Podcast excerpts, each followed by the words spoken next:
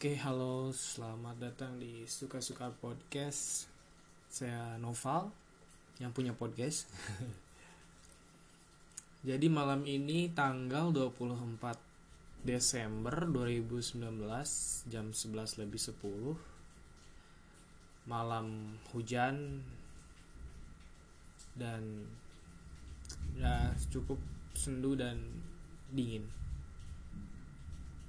sebelum saya apa buat banyak konten yang lain mungkin kayaknya saya lebih harus introduce dulu deh siapa deh sebenarnya saya dan apa sih tujuan saya buat apa namanya buat podcast kayak gini. Jujur aja sebenarnya saya buat podcast ini kan dari intro awal emang saya bilang di sini platform saya untuk uh, berbagi curhat sharing atau ya kayaknya uh, apa untuk berbagi hal-hal yang menurut saya layak untuk dibagikan. Dan juga uh, kalau dibicara saya bakal serius apa enggak ya tergantung sih. Soalnya ya saya nggak begitu begitu niat banget gitu untuk di apa namanya untuk menerjang lebih jauh dunia audio. Cuman ya uh, ketika ada kesempatan dan untuk belajar dan ada lahan untuk berkreasi di situ kenapa enggak gitu. Dan juga kalau saya syukur bersyukurnya uh, banyak hal yang positif bisa saya apa namanya berikan di sini. So ya kayaknya gue bakal ceritain dulu. Siapa sih gue sebenarnya? Orang seperti apa? Jadi gue sebenarnya orang dari kalangan orang biasa bukan orang-orang kaya banget orang kaya kayak gimana. Cuman kayak ya berbagi menggunakan sosmed itu nggak harus lihat lu dari siapa pun. Lu si siapa pun juga bisa pakai dan nggak ada yang bener-bener melarang. Dan kalau buat lu yang apa namanya merasa masih minder dengan hal itu ya jangan merasa minder. Karena kebutuhan sosial itu semua itu uh, hak semua orang gitu oke okay. gue uh, lahir di Tasik besar di Kalimantan umur sampai umur 9-10 tahun dan kembali lagi di Tasik mengenyam pendidikan yang cukup lama di sini sampai sekiranya SMA masa-masa SMA saya uh, bisa dibilang cukup menarik dan juga cukup cepat dilaluin menurut saya. Bukan saya bukan karena saya akselerasi cuman saya bukan tipe orang yang bener-bener apa namanya uh, fokus banget gitu. Apa namanya untuk ambisi untuk apa mengejar soal akademik belajar dan segala macamnya. Let it enjoy aja kayak gitu. Kalau dapat nilai bagus ya syukur kalau enggak ya udah gitu. Kayaknya banyak masih banyak yang harus uh, apa namanya saya perjelas di situ. Cita-cita saya dulu pas SD apa ya pokoknya dari SD impian saya itu pengen sebenarnya pengen jadi apa namanya ya orang pinter bukan orang pinter juga ya gimana ya. How does it to be look like a clever like uh, apa? Ya pekerjaan apa pun yang penting lu bisa terlihat menarik pintar dan juga kaya. Eh umur 24 belum sampai-sampai di situ. Jadi kalau orang lain apa namanya lewatin masa SMA itu uh, biasanya cukup banyak cerita cinta kasih saya kasih apalah gitu. Misalnya semua cewek-cewek kalau enggak prestasi. Ya alhamdulillah sih saya balance kalau masalah itu. Uh, apa namanya untuk masalah harus di sekolah atau masalah wanita masalah apa ya. Oke oke aja sih cuman ya mungkin yang saya lebih apa namanya lebih senangnya itu dari saya zaman sekolah eh dari mulai SMP SD SMP SMA saya selalu tiap periode itu tiap masa itu selalu punya sahabat-sahabat yang nggak bisa saya lupain gitu. Entahlah ini mungkin nggak semua orang bisa bersahabat dengan baik cuman kayaknya uh, saya mempunyai jiwa persahabatan yang cukup tinggi dengan siapa pun gitu. Ya nggak siapa pun juga. Cuman ya nggak semua orang bisa jadi sahabat dan sahabat itu nggak nggak bisa semua orang gitu. Ya kayak gitulah. Terus uh, kuliah tahun 2013 saya di UPN di Jogja UPN Jogja. Ini kayaknya bakal jadi cerita yang lumayan lucu nih kuliah nih. Soalnya apa yang saya cita-citakan jauh di luar ekspektasi saya. Waktu SMA saya cukup senang di dunia musik di dunia apa. Kayak menurut saya dulu itu passion saya. Cuma kayaknya lama-lama nih soalnya mungkin ya Tasik itu ada sempit sih untuk dunia entertain dunia musik kayak gitu. Jadi banyak hal yang apa namanya membuat saya lebih kayak wah ini saya nggak bisa berkembang nih kalau di sini terus dapat kuliah di Jogja kayaknya Jogja banyak nih.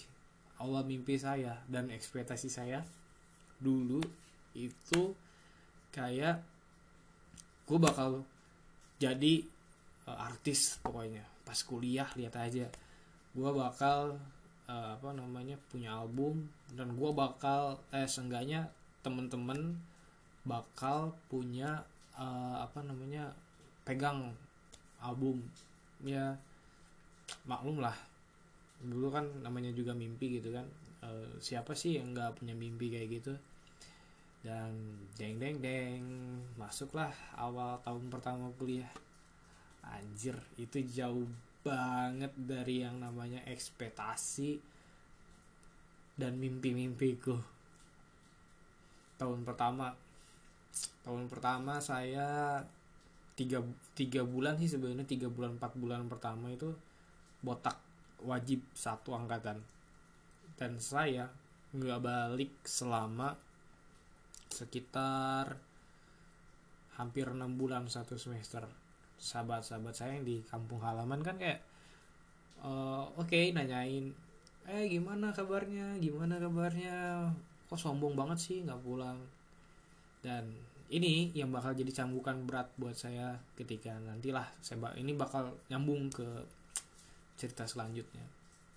Terus uh, di kampus selama kampus lu bayangin nih udah rambut botak celana harus hitam kain baju itu ya kemeja lah standar. Botaknya tuh di senti anjir.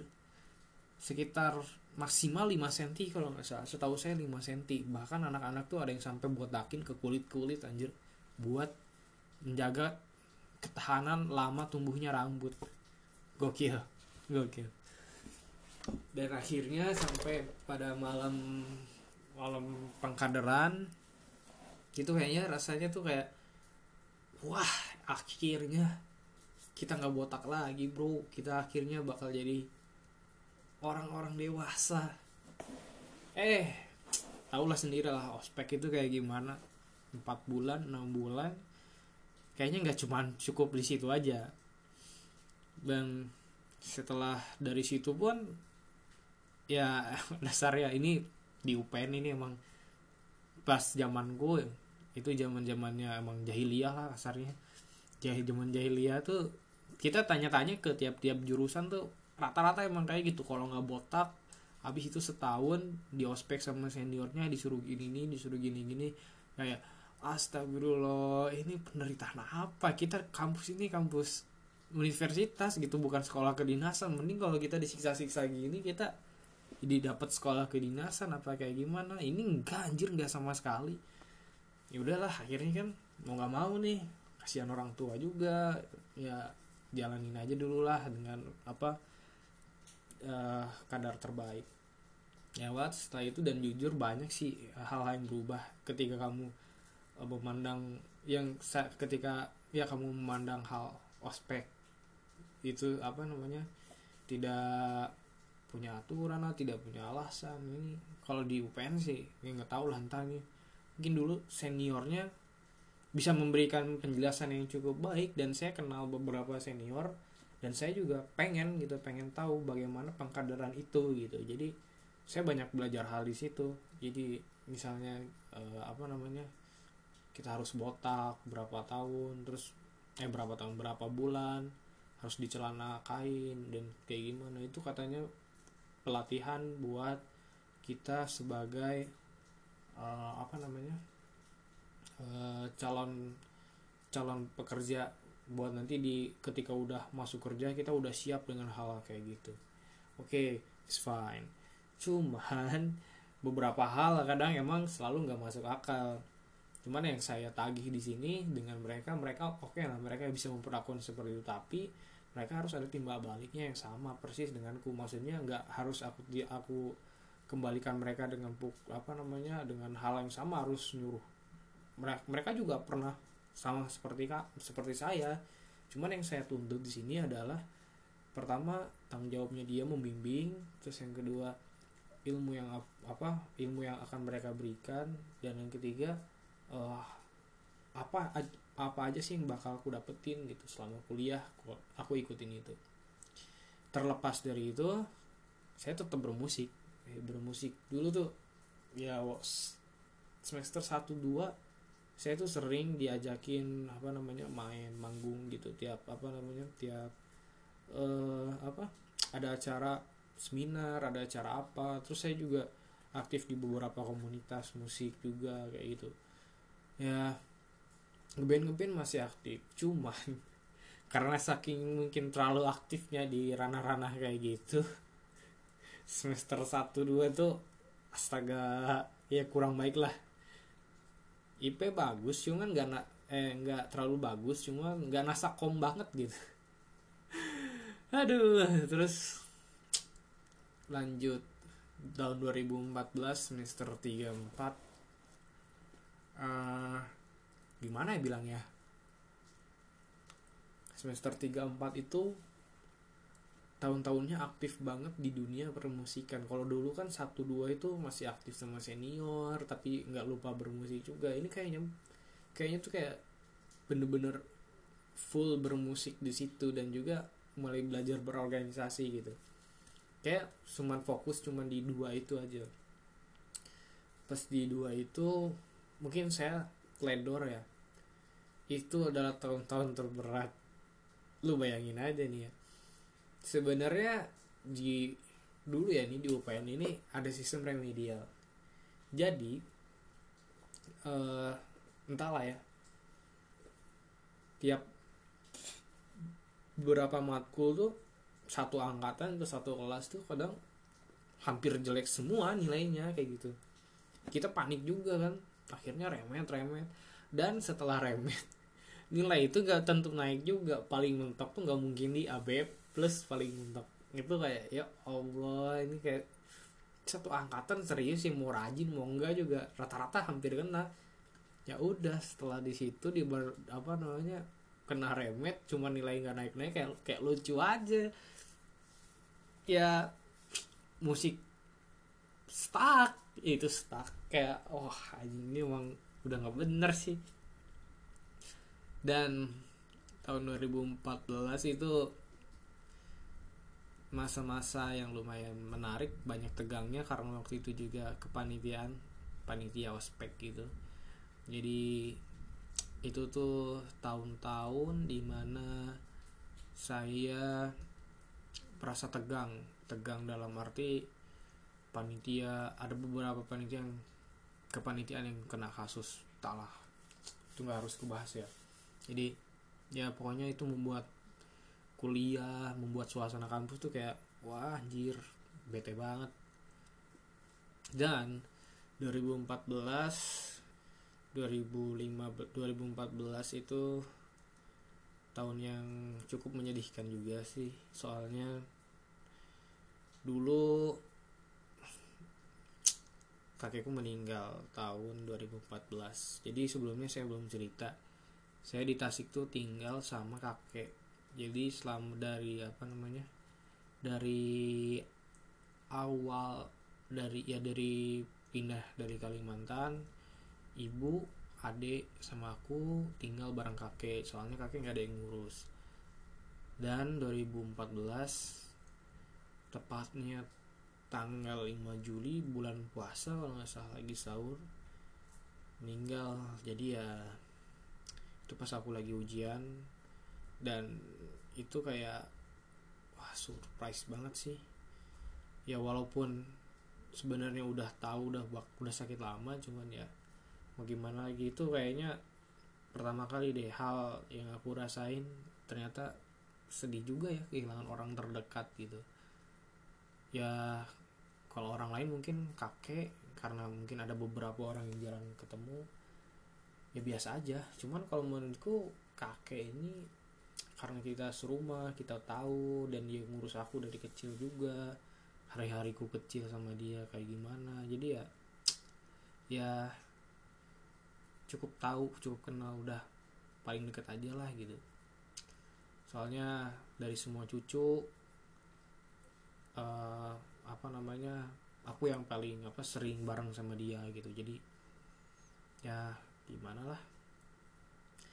Dan itu posisinya aku lagi di Jogja dan kakek udah meninggal di Tasik dulu. Jadi ya ya itu 2014 ngajarin banyak hal yang cukup apa namanya lucu gitu.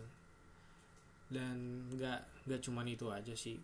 Terus saya juga ketemu temu teman-teman baru kayak dulu nih pas tahun 2014 kita satu panitiaan yang namanya itu komisi pemilihan umum mahasiswa. Nah komisi pemilihan umum mahasiswa tuh biar saya jelasin dulu. Kayak badan KPU cuman KPU-nya tuh KPU eh, apa namanya sekelas tingkat mahasiswa gitu. Di situ saya ketemu Tari Mal Dina Budi Prabowo terus uh, siapa ya? Banyak sih.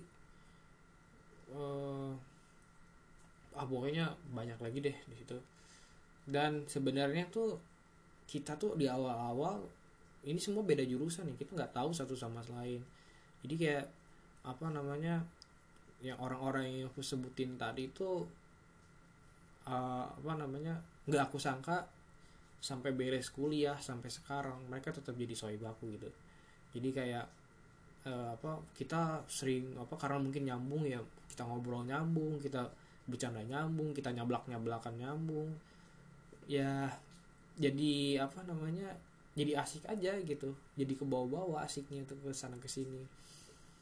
Ya mereka juga ada selalu ada di suka dan dukaku gitu.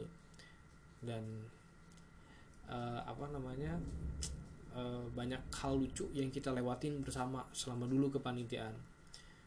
Pas kepanitiaan selesai kita nggak pisah kita tetap ayo ayo nongkrong bareng. Oh kayak gimana bareng dan ini bareng dan lucunya dari salah satu di antara mereka itu ada yang aku kenalin dan baru aja bulan Desember ini menikah kayak gitu. Nanti aku ceritain di ujung akhir masa kuliah. Jadi ya itu teman-teman yang bakal jadi sahabat aku selama beberapa tahun ke depan. Terus uh, apa ya mereka juga uh, apa dari 2000 apa ya 2015 2016 itu tuh bantu aku banget. Aku jadi dulu 2015 itu ceritanya nih mendedikasikan diri untuk masuk BEM anjay. BEM jadi kita berempat ini udah janjian aku Mal Tari Dina. Berempat ini kita harus ketemu di tingkat universitas biar senggahnya kita bisa main bareng gitu. Kan lucu aja ya. Dia kita pengen ketemu apa namanya pengen pengen main biar kerja bareng di tingkat universitas gitu. Oke jadi Dina ini dari apa namanya dari bem jurus bem fakultasnya aku mau mau ke apa namanya ke bem tingkat universitas cuman gak dibolehin. Dulu dia masih tetap di bagian itu jadi jadi oke okay, dia sering main-main tapi tetap aja. Terus aku di bagian staff internal internal di bem. Terus tari itu dia selalu jadi humas mendampingi ketuanya yang keliling-keliling juga di BEM di BEM di apa di BEM jurusannya. Jadi aku sering apa bolak-balik sama kejurusannya dia. Terus mal itu sama di BEM juga. Cuman dia di bagian publikasi dokumentasi yang kayak gitulah. Pokoknya dia bagian kominfo kalau nggak salah. Komisi in, kom, komunikasi dan informasi kalau nggak salah nah dan di situ kita tetap intens. Jadi kalau ada masalah apa di kampus dan satu hal yang paling lucu tuh ini jauh banget aja jadi tuh gue udah udah cerita kan tadi kayak uh, mimpi mimpiku pas SMA kuliah bakal jadi artis atau kayak gimana. Kalau seenggaknya kita ngeluarin album saya ngeluarin album dan punya band gitu dan ini sangat berbeda ekspektasi sekali dan berbeda jauh sekali. Jadi kuliah ini nggak seperti yang saya ekspektasikan kuliah saya. Entahlah bagi beberapa orang mungkin bisa mewujudkan mimpinya dan bagi saya yang ikut-ikut yang orang yang ikut alur waktu itu dan nggak punya pendirian yang tetap bukan bukan nggak nggak punya pendirian tetap sih pada akhirnya saya harus memilih kayak gitu waktu itu pilihan saya cuma dua lu lepasin musik dulu atau lu nggak atau lu ikut BEM dan seenggaknya punya tanggung jawab dengan kuliah lu. Oke, okay. gue punya referensi. Referensi gue untuk menjawab pertanyaan ini ada di personil band apa ya lupa lagi namanya. Adalah salah satu, salah satu personil band uh, apa namanya Indi Jogja yang di, dulu tuh di situ ah fes, festivalis kalau nggak salah iya soalnya pernah dia pernah jawab kalau ketika ditanya. Dia tuh sebenarnya anak UGM salah satu personilnya nggak lupa lagi siapa. Anak UGM jadi pas tanya mas uh, apa namanya dulu kuliah di mana? Di UGM katanya. Terus uh, kenapa apa namanya uh, memilih untuk bermusik daripada nurusin kuliahnya? Ah sebenarnya hidup itu tentang pilihan lah katanya. Pilihan? Iya pilihan katanya. Saya saya merelakan pilihan saya untuk ber apa untuk kuliah daripada eh untuk bermusik daripada kuliah kayak gitu. Jadi kayak kadang kita harus di didesak dengan hal seperti itu gitu. Kadang nggak semua hal bisa kita dapetin gitu. Dan ya dia bisa bertanggung jawab dengan pihaknya. Dia sukses di jalannya. Dan menurut saya dia berani ambil pilihan ini karena dia udah menemukan passionnya mungkin di dunia musik. Sedangkan dulu mungkin saya masih kayak bimbang ragu dan skill sosial saya yang sangat jelek. Jadi kayak ya saya uh, pada akhirnya menyerah dengan bukan menyerah ya uh, melepas pilihan saya untuk sementara dan karena saya masih kekeh dan tidak mau menyerah waktu itu masih kekeh jadi ya saya vakum dulu saya putuskan vakum dulu dan saya uh, apa namanya belajar di BEM selama satu tahun lah. Dulu rencana saya cuman uh, saya terlalu apa namanya terlalu over over apa namanya overpower terlalu bersemangat mungkin selama di BEM. Jadi saya dulu tuh pegang acara Expo dan Musik Kampus. Itu dulu tahun 2014 eh 2015 16 zaman zamannya susah izin acara apalagi musik. Dan tantangannya kalau kamu tahu itu gede banget. Untuk nembusin izin aja itu udah susah banget terakhir musik kampus itu tahun 2012 itu udah sekitar vakum 3-4 tahun buat cara UPN ya. Karena entahlah ada insiden apa aku lupa lagi gitu. Ya uh, apa namanya UPN setelah kejadian musik kampus itu nggak mau ngadain izin lagi acara-acara musik kampus kayak gitu. Ya udah oke. okay. Tapi ya untungnya saya balut acara ini dengan tema bazar dan expo gitu. Jadi seenggaknya cara musik ini untuk meramaikan orang-orang yang pengen punya usaha dan segala macam dan jujur itu panitia pertama aku yang jadi ketuanya. Dan wow ternyata jadi ketua itu presternya berat banget. Untung ya mungkin karena saya sering sering apa suka bersosial. Dan ini ini ini pelajaran loh ya. Jadi eh semua orang itu uh, punya pengaruh masing-masing dalam hidup kita. Walaupun eh entah besar ataupun kecil kecil gitu. Jadi contoh nih saya punya beberapa temen yang saya cukup kenal aja biasa tapi saya sering cerita-cerita tentang musik tentang kayak gimana dan waktu itu saya lagi mentok-mentoknya izin izin alhamdulillah ya udah keluar waktu itu. Itu lagi mentok-mentoknya nggak ada duit sama sekali nggak ada nggak punya panitia itu nggak punya apa-apa. Jadi duit panitia itu kadang eh beberapa tuh saya tombokin atau saya juga minta sama ke apa ketua bemnya dulu berapa. Soalnya dari kampus dulu agak sedikit pelit maksudnya bukan pelit ya nggak mau ngeluarin di awal. Jadi dia bayar di akhir-akhir kalau acara udah selesai ya baru dibayar. Ada yang sistemnya kayak gitu ada yang langsung cur cair. Nah kayak saya novel jadi saya kalinnya itu waktu itu kayak apa namanya uh, kita jual-jualin tenda tenan terus kita uh, apa namanya dapat duit dapat duit dari situ sewa panggung murah tapi kualitas sound nggak murahan gitu. Alhamdulillah itu dapet.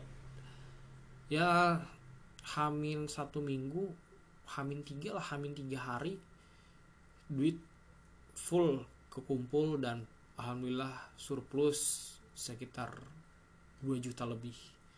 Dan itu berkat teman-teman yang pada di hari akhir bantu-bantu saya dan waktu itu panitia panitia saya hampir bubar jujur aja dan ya alhamdulillah lah teman-teman udah apa namanya terima kasih nih ya buat dengar teman-teman panitia saya dulu. Uh, apa udah udah bantu saya kayak gimana sampai mau rela patungan dan segala macem. Dan sebenarnya dibilang surplus nggak juga. Ternyata surplus itu pada hari H setelah itu ada biaya penut ada biaya lebihnya ada harus yang ditutup ada harus kayak gimana dan dan ternyata pas-pas aja gitu. Ya ampun pasti ya. Ya kayak beberapa jadi beberapa teman saya dulu tuh ada yang di luar kepanitiaan bantu saya kayak misalnya cariin orang buat apa namanya sound atau mungkin dan beberapa mungkin dari mereka ada yang punya kenalan pedagang apa kayak gimana. Jadi saya merasa cukup terbantu juga waktu itu ada yang mau beli ada yang mau kayak gimana ini kayak wow ternyata the power of society itu tinggi banget ya. Dan yuh itu pengalaman berharga bagi saya. Jadi saya banyak dapat ilmu di situ. Walaupun ya apa kepanitiaan nggak bisa saya koreksi saya benar apa enggak yang penting goal kita bersama itu berhasil kayak gitu itu pengalaman itu pengalaman di titik nol saya sih sampai harus apa namanya hampir gak ada motor dan gak ada segala macam. Kayak ketika lu berada di situasi nol titik ternol titik terendah dalam hidupmu pilihannya cuma ada dua kamu menutup atau membuka dirimu.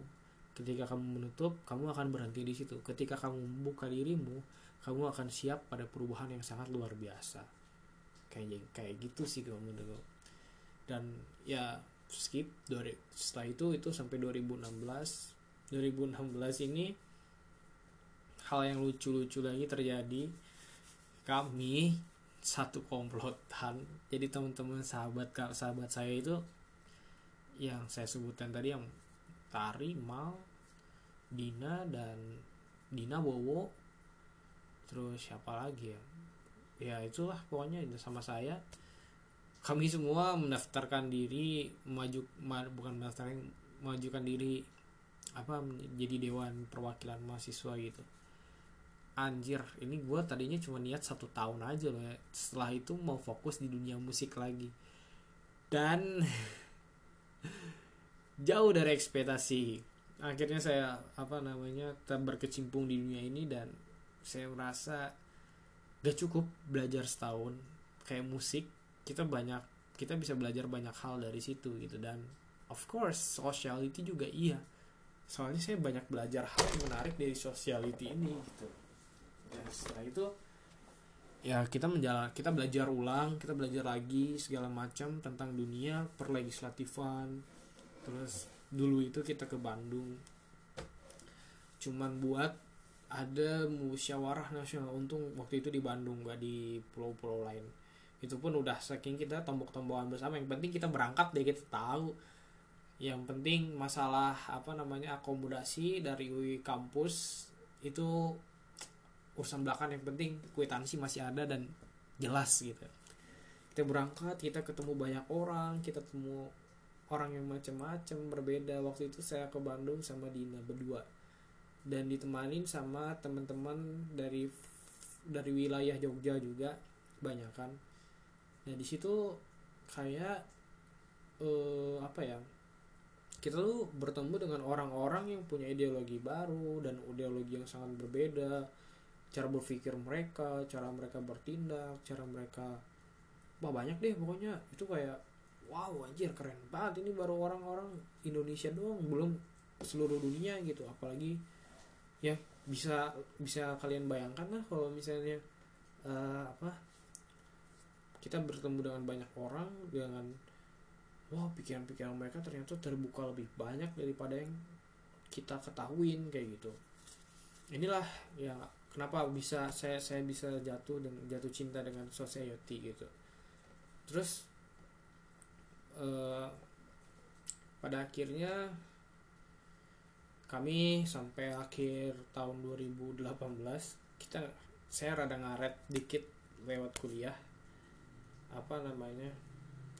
Uh, kuliah. Jadi dulu itu periode Dewan Perwakilan Mahasiswa seluruh organisasi kemahasiswaan itu satu setengah tahun. Rata-rata orang rata-rata di jurus tiap jurusan tiap siapa pun gitu kan mereka enam bulan eh enam bulan satu tahun atau satu periode sama enam bulan karena mereka pokoknya ada dua kali ganti gitu jadi potong angkatan lah kasarnya. Dan cuman DPM doang tingkat universitas dan BEM-nya itu yang nggak bisa potong angkatan. Jadi waktu itu presiden mahasiswanya tuh teman saya juga teman waktu di BEM juga. Mas Tora Mas Tora itu sebenarnya udah tua sih cuman ya karena dia sebenarnya tuh pinter juga dan masuk salah satu uh, apa namanya lulusan di tambang yang pertama namun dia nggak cepet-cepetin lulus karena dia masih punya jabatan sebagai presiden mahasiswa waktu itu. Ya Allah inget banget kasihan. Bukan bukan masalah kita apa lalai dengan tanggung jawab orang tua ya cuman ketika kita udah berkomitmen dan kita udah apa namanya go public dengan public gitu kita punya jabatan penting di beberapa ini. Kita nggak bisa begitu saja melepaskan diri kayak gitu. Jadi buat apa namanya teman-teman nih ada yang dulu tuh sempet kena cibir-cibiran ah anjir cuman karena organisasi doang lu lama lama beres. Ya nggak gitu. Maksudnya lu udah berikrar udah bersumpah ya, menjalani sesuai dengan masa periode jabatan lu di situ it's not about uh, apa namanya uh, ada hal yang lebih penting lagi. Enggak. Kuliah penting tetap. Cuman ini bagaimana brand personal branding lu dan juga bagaimana uh, lu punya komitmen di situ gitu. Gak gak gak bener juga kalau misalnya kita lulus duluan tapi kita tetap apa namanya di di BM tetap ngurusin kayak gitu. Enggak enggak itu enggak bener kalau menurut saya jadi ya skripsi tetap kerjakan.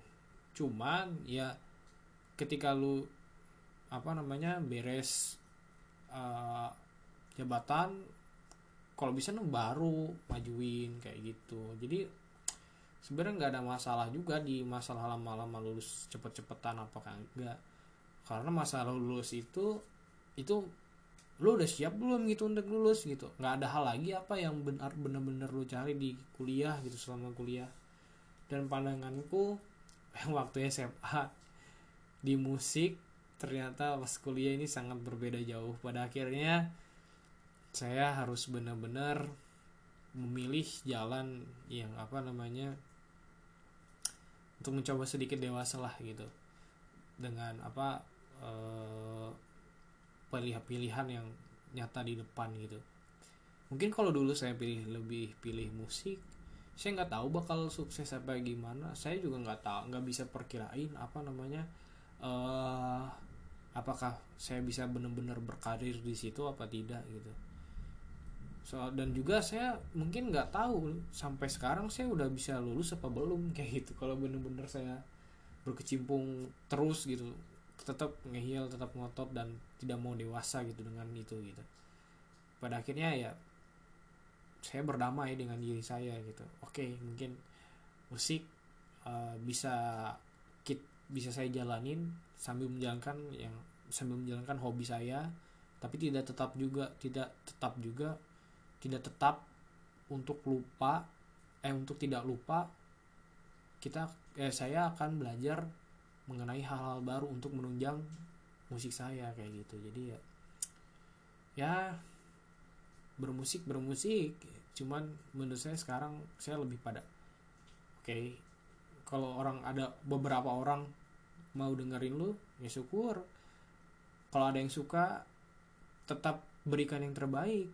Kalau enggak ya udah gitu. Karena pada akhirnya karya kita tuh dinilai suka apa enggak kayak society jadi gini analoginya ada namanya temen ada namanya yang cuman kenal ada yang namanya sahabat. Sah tahu cuman kenal itu kayak cuman oh tahu nih misalnya karena apanya uh, saya ini siapa gitu. Temen tahu dan mengenal dirimu gitu. Sahabat udah tahu segala macam tentang hal tentang dirimu jadi kalau menurut saya pemasangan karya saya juga saya ini kayak gitu gitu. Entah itu cover lagu saya entah itu lagu saya atau kayak gimana pun itu se pada akhirnya saya kalau nggak apa namanya nggak pernah belajar di BEM atau di mana saya nggak bakal bisa gitu selancar ini untuk ngobrol dan untuk berbicara. Ya kayak gitu deh. Kurang lebihnya dan ya selama kuliah saya saya pikir dulu tuh saya bakal punya banyak temen yang apa namanya uh, oke oke lah maksudnya bisa selalu semua bersahabat dengan saya. Enggak ternyata. Beberapa orang ada yang teman jadi kurang dekat kalau musuh sih nggak bisa nggak bisa dibilang musuh. Cuman ya kurang dekat aja. Dan beberapa orang yang sampai sekarang ada dan ya selalu jadi sahabat saya mau di mana pun mereka. Walaupun sekarang kita udah pisah sekarang saya udah lulus mereka dia kerja di mana saya lagi di mana dan hubungan itu tetap aja sama kayak gitu kalau ketemu. Dan oh ya saya tadi ceritakan apa namanya eh, beberapa teman saya bahkan ya sahabat saya bertemu dengan jodohnya. Itu karena apa namanya lingkaran-lingkaran setan itu sendiri. Bukan bukan lingkaran setan. Jadi di UPN itu kayak lingkaran lu tuh lu kenal sini kenal sini pasti ada beberapa orang yang apa namanya tahu dan kenal juga gitu satu sama lain. Jadi masuk dalam lingkaran setan katanya.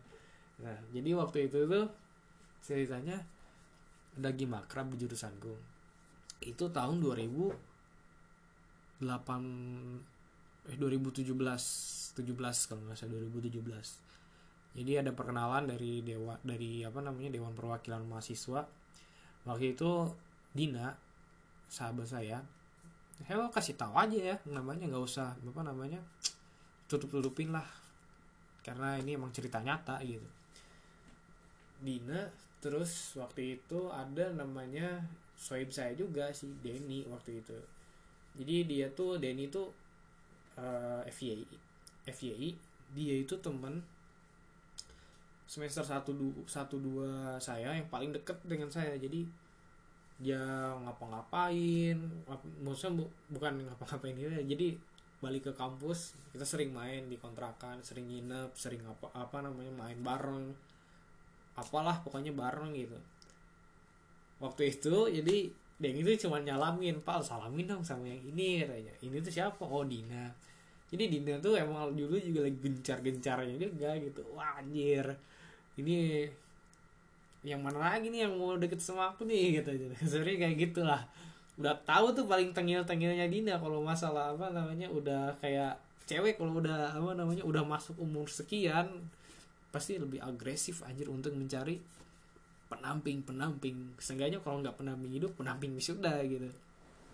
Akhirnya waktu itu sampailah aku tahan dulu aku nggak aku nggak bilang dulu ada berapa lama ya? Sekitar hampir sebulan lebih. Kayaknya baru aku bilangin. Karena waktu itu lagi makan bareng aku Dina Tari bertiga. Aku lagi di bakmi. Kita lagi ngobrol bertiga ini. Terus aku kayak tiba-tiba entah kenapa ya celetuk pengen ngomong Din eh, ada yang mau kenalan sama kamu? Mana? Coba lihat orangnya. Ini nih. Hmm, lucu juga ya katanya. Emang anaknya Denny tuh dia itu cowok. Cuman tukang makan nasi fulo. Nasi campur fulo. Terus eh, apa namanya banyak hal aneh yang dia sukain. Ya dia suka Korea anim kayak gitu. Koreanya tuh yang cewek-cewek doang bukan yang opa-opa gitu. Ya. Dina tuh ternyata sama saja gitu. Terus dia suruh bilang aku kasih aku kasih nomor nomornya dia ke dia. Udahlah aku kasih kan. Aku aku ini udah amanah soalnya nggak enak juga aku kalau nggak bilang. Aku bilangin eh Denny kayak seneng gitu. Dia jurus pertamanya apa coba? Assalamualaikum gitu. Waalaikumsalam. Woi. Setelah dari itu aku lepas lah. Aku nggak terlalu banyak perhatian sama mereka. Terus tari itu sebagai apa namanya eh, tari itu sebagai ajudannya Dina waktu itu. Jadi tempat curhatnya Dina waktu itu. Eh jadi apa-apa Dina apa-apa Dina apa-apa eh apa-apa tari apa-apa tari. Dan yang paling brengseknya lagi dari mereka. Setelah satu bulan lewat mereka baru bilang mereka udah jadian dua minggu doang PDKT astagfirullahalazim ya Allah ini serius anjing cuma dua minggu?